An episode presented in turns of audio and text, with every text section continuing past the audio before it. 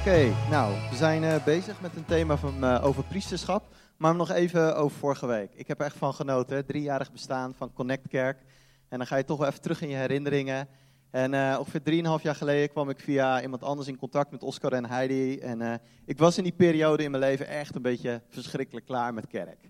En, uh, maar ik had nog wel hard voor gebed, en vooral voor Ede. Toen zei iemand, Oscar en Heidi, die gaan, uh, gaan bidden voor, uh, voor Ede. En ze hebben ook nog wel een idee om een kerk te planten. Ik zeg, nou, dat eerste, dat klinkt heel goed. Dat tweede, wat, wat minder. En zo kwam ik ook een beetje binnen van, nou, ik wil bidden voor Ede en dat andere, dat is jullie ding. En wat ik heel mooi vond, dat ze zeiden, nou, weet je, welkom, dat is goed. En toen na een paar maanden de eerste dienst in Cultura. En eigenlijk wou ik stiekem toch wel mee. Nou, toen ik dat vertelde thuis, toen was mevrouw Vera echt super verbaasd. Van, hè? Kors weer enthousiast over kerk, gaat naar een kerkdienst. En ik zeg, ja, ik weet niet. Van, uh, ik heb gebeden van, heer, ik wil in een... Als ik in een huis kom, zeg maar in een kerk, dan wil ik... Uh, uh, ja, dat ik vind leiders naar het hart van God, weet je. En, en echte leiders die het hart van God weerspiegelen. En ik heb dat uh, ja, zo gevonden bij, uh, bij, bij Oscar en Heidi. En als ik dan kijk naar de afgelopen drie jaar, heeft het zoveel herstel en zoveel genezing gebracht in mijn leven en huwelijk en gezin. En uh, nou ja, hier, ik heb het al vaker gezegd, ik maar Oscar, Heidi en ook het kernteam, Marcel en Alfons en Laura. Bedankt en we staan aan het begin en ik ben zo, ja, zo super dankbaar voor jullie in mijn leven. Oké, dit, had ik niet gepland, maar dat wou ik even zeggen. Dit stond er niet. Maar goed, we gaan verder. Dus, dus als ik kijk naar Connect Kerk, weet je, we maken, we maken fouten, we zijn niet perfect, we hebben nog heel veel te leren. Maar ik zie het hard en dat vind ik super mooi. En ik heb grote verwachting dat dit een huis wordt en, en blijft en verder ontwikkelt van, van, van bloei en van genezing. Daar ga ik voor, daar bid ik voor en daar bouwen we samen mee. Super. Nou, we hebben het over priesterschap. En uh, als ik denk aan priesterschap, dan denk ik van dat is intimiteit met God. En vanuit die intimiteit met God, omdat je geliefd weet, ga je God en mensen dienen. Dat is priesterschap. En ik wil het hebben over drie punten. Dat gaat over de achtergrond van priesterschap. Het gaat over Jezus, wil ik het hebben. Natuurlijk de positieve, perfecte priester. En als derde, Jezus houdt van kastelen. Dat ga ik, en dat moet ik natuurlijk straks uitleggen. Maar eerst priesterschap, waar begint het mee? Misschien de eerste sheet. Even kijken. Uh, ja, dat is thema. Jezus, de positieve priester. En volgende. Nou, die hebben we ook al gehad. Jezus houdt van kastelen. Ga ik straks iets verder over vertellen. Ja, wat ik heel mooi vind is dat God op een gegeven moment Abraham roept. En dan zegt hij tegen Abraham, toen Abraham 99 jaar was, weet je later nooit, verscheen de Heer aan hem en zei, ik ben God de ontzagwekkende. Leef in verbondenheid met mij leidt een onberispelijk leven. En een andere vertaling, misschien staat die er ook nog. Er staat, even kijken, eentje verder. Is die er? Ja. Toen Abraham 99 jaar oud was, verscheen de Heer aan Abraham en zei tot hem: Ik ben God de Almachtige. Wandel voor mijn aangezicht en wees onberispelijk. Nou, dat vind ik zo mooi. Als je daar heel diep op ingaat, is het eigenlijk dat God zegt: Abraham, kijk naar mij. Kijk in mijn gezicht. Kijk hoe mooi, hoe zuiver, hoe rein ik ben. Laat dat je hart vervullen, raken en, en diep pakken. Hoe mooi ik ben. Kijk naar mij. Dat is je eerste roeping. Wandel in mijn gezicht. Kijk naar mijn gezicht. En waar je daarvan kijkt, ga dat weerspiegelen. Wat Alfons ook twee weken geleden zei. We kijken naar zijn heerlijkheid. We zijn geraakt en onder de indruk. En vanuit daar leven een leven onberispelijk. Fantastisch. Kijk naar mij en doe mij na. En eigenlijk in het hele Oude Testament is dat de oproep van God. Dat God zegt, jullie zijn zo mooi, jullie zijn zo bijzonder en zo kostbaar voor mij. En jullie mogen mij dienen. En jullie mogen doen wat ik belangrijk vind. Nou, dat ging natuurlijk in het Oude Testament verschillende keren fout. Maar heel het Oude Testament adem al uit van, er komt een moment, er komt de perfecte, volmaakte priester, de hoge priester. Jezus zelf, zonder zonde, zonder fouten. En hij laat het volle hart van God zien. En wat ik zo mooi vind, het is de volgende sheet. Dat Jezus in Matthäus, vind ik zo mooi, wordt hij aangekondigd. Dit is Jezus, de zoon van David, de zoon van Abraham. En hij laat het hart van God zien. En Jezus zegt dan in Hebreeën 10, vers 5 tot 7. Vader, daarom hebt u mij dit lichaam, dit menselijk lichaam gegeven, om als een offer op uw altaar te leggen. En toen zei ik, hier ben ik Jezus, eh, hier ben ik Vader, om uw wil te doen. Om mijn leven neer te leggen zoals in de boeken in het Oude Testament staat. Ik denk, dat is het hart van priesterschap, wat Alfons twee weken geleden ook al zo mooi zei. Overgave, Heer, hier ben ik om uw wil te doen, om voor u te leven. Fantastisch. En uh, in deze voorbereiding had ik zoiets, Heer, ik wil iets moois zeggen tegen deze mensen. Iets origineels, iets, iets, iets inspirerend, waar de mensen echt wat mee kunnen. Maar God gaf eigenlijk drie hele simpele kinderverhalen in mijn gedachten. En daar was ik helemaal niet mee eens. En toen zei ik, Heer, iets origineels, iets bijzonders. Maar elke keer kwam het terug en God wint toch altijd. Dus drie hele simpele kinderverhalen. En we beginnen met Zacchaeus. De volgende. Heel bekend verhaal. Jezus komt in Jericho. We kennen Jericho van Jozua, diezelfde stad. En Zacchaeus was een Joodse man, maar hij werkte voor de Romeinen. Daar kreeg hij heel veel geld voor. Hij was eigenlijk, als we het zouden vertalen, de NSB'er tijdens de Tweede Wereldoorlog. Ja, een Nederlander, maar werken in de naam en het pakje van de Duitsers. Nou, zo was het eigenlijk ook met Zacchaeus.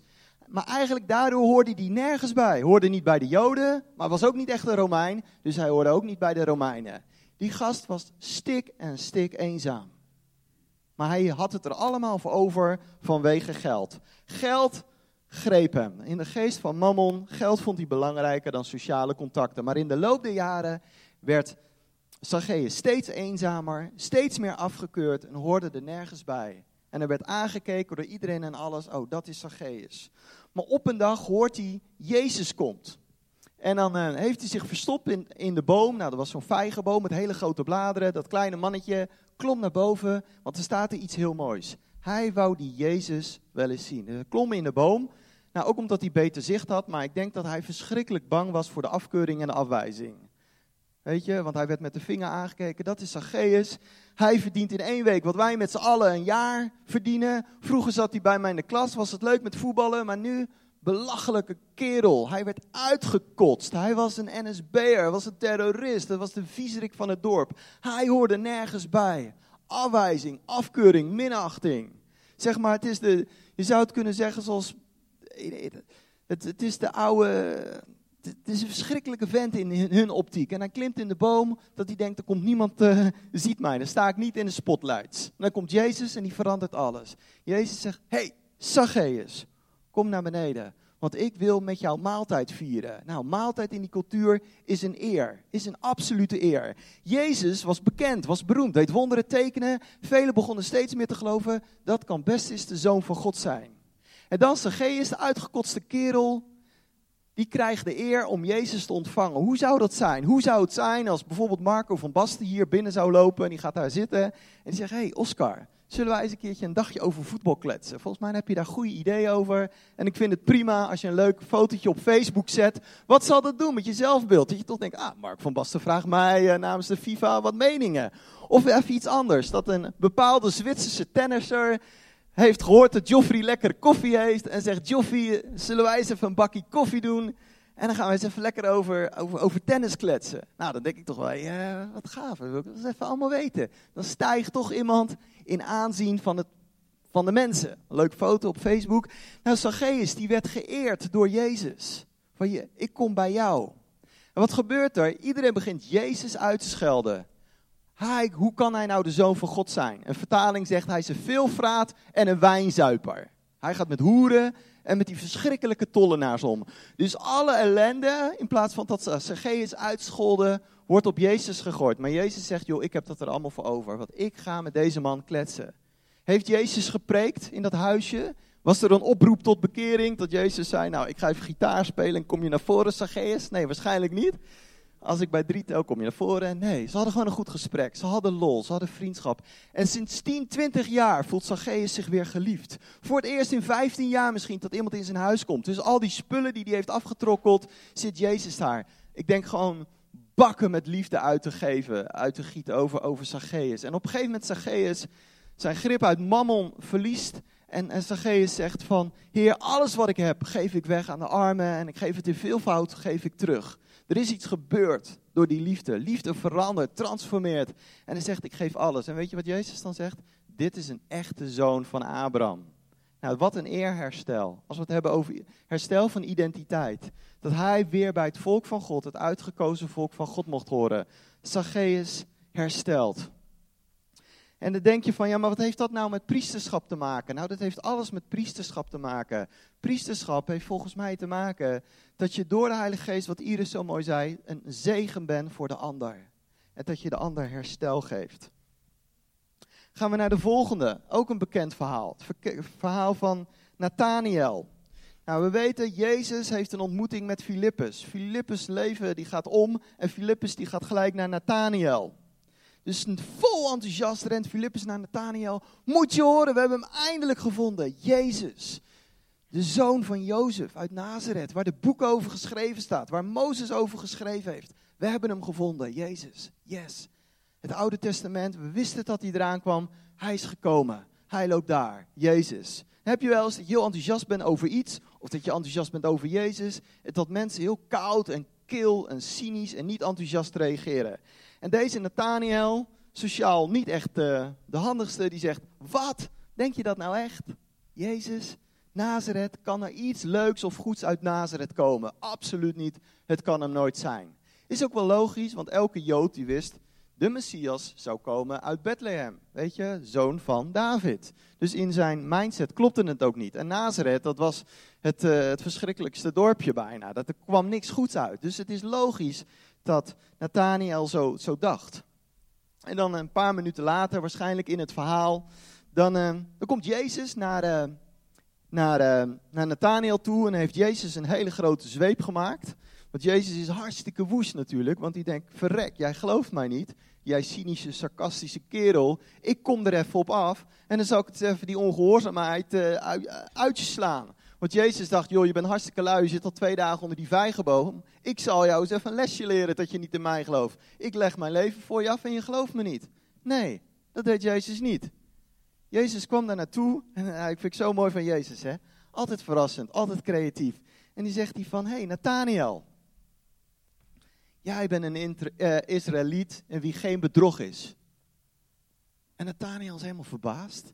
Want waarschijnlijk was dit iets wat Nathaniel ook wou. Iedereen heeft in zijn leven wel een visie. Wat wil je zijn? Wat wil je bereiken? Hoe wil je bekend zijn bij anderen? En als aan Nathaniel gevraagd zou worden, wat wil je in je leven? Zei hij niet van, ik wil een bekende uh, muzikant worden of ik wil een bekende voetballer worden. Nee, Nathaniel had waarschijnlijk iets in zijn hart. Ik wil een man zijn die integer is. Die zuiver is. Die rein is. Dat, is wat, wat, dat was de visie van zijn leven. En dan komt opeens Jezus en zegt, jij Jij bent een Israëliet, een godvrezende, en je bent een man in wie geen bedrog is. En dat raakt het hart zo diep van Nathaniel, want dit is wie die wou zijn. Daar leefde hij voor. En dan zegt, je, dan zegt Nathaniel, hoe, hoe weet je dat? Hoe weet je dat? Hoe ken je me zo diep? En zegt Jezus, joh, ik ken die al veel eerder. Ik ken die al veel eerder. Voordat je bij die vijgenboom zat, kende ik je al. En dat is de vijgenboom in het, in het testament, is even context. Dat iemand die echt serieus was met God, die ging vaak onder de vijgenboom zitten om het woord van God te bestuderen. Want even in het Oude Testament staat in Micha 5, staat er zo'n gedeelte van dat er een nieuwe hemel komt en een nieuwe aarde en dat we zullen uitrusten bij de vijgenboom. Nou, om alvast een beetje warm te draaien, ging een godzoeker in die tijd bij, bij zo'n vijgenboom zitten. En hij is helemaal verbaasd, Nathanael. U ziet mij, u kent mij.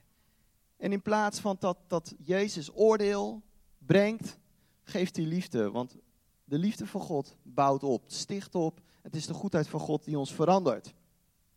En um, uiteindelijk zegt Jezus van, joh, je bent, want Nathaniel zegt dan, u bent de zoon van de levende God. En dan zegt, Nathan, en dan zegt Jezus, alleen omdat ik dat zei, geloof je al, je zult nog vele grotere, mooiere dingen meemaken met mij. Dan gaan we naar het derde verhaal. Dat is een heel bekend verhaal. Dat is het verhaal van de voetwassing.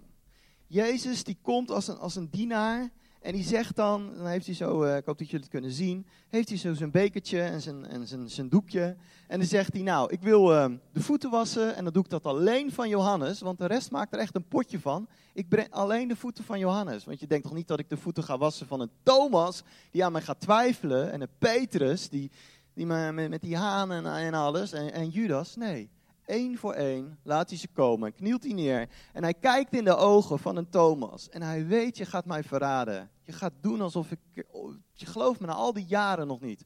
En een Petrus, en toch gaat hij de voeten wassen. Zelfs een Judas, ik zou echt zeggen, Judas, loop lekker door jongen. Jij met je gore poten, dag. Nee, maar hij was de voeten vol liefde.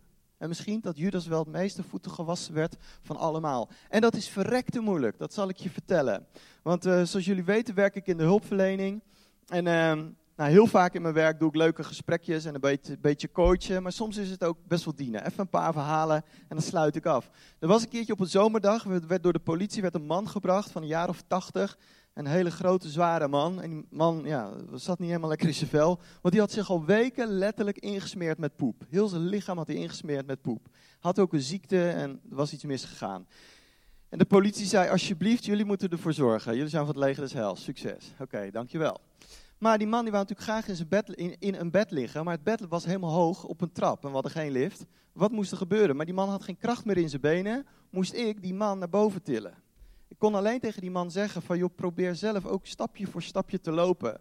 Maar, waarschijnlijk heb ik nooit meegemaakt, als iemand ziek is, met zijn lichaam ingesmeerd met poep, maar probeert toch omhoog te komen, dan gaat hij zweten, waardoor het allemaal gaat ruiken en gaat vloeien en het is een ellende.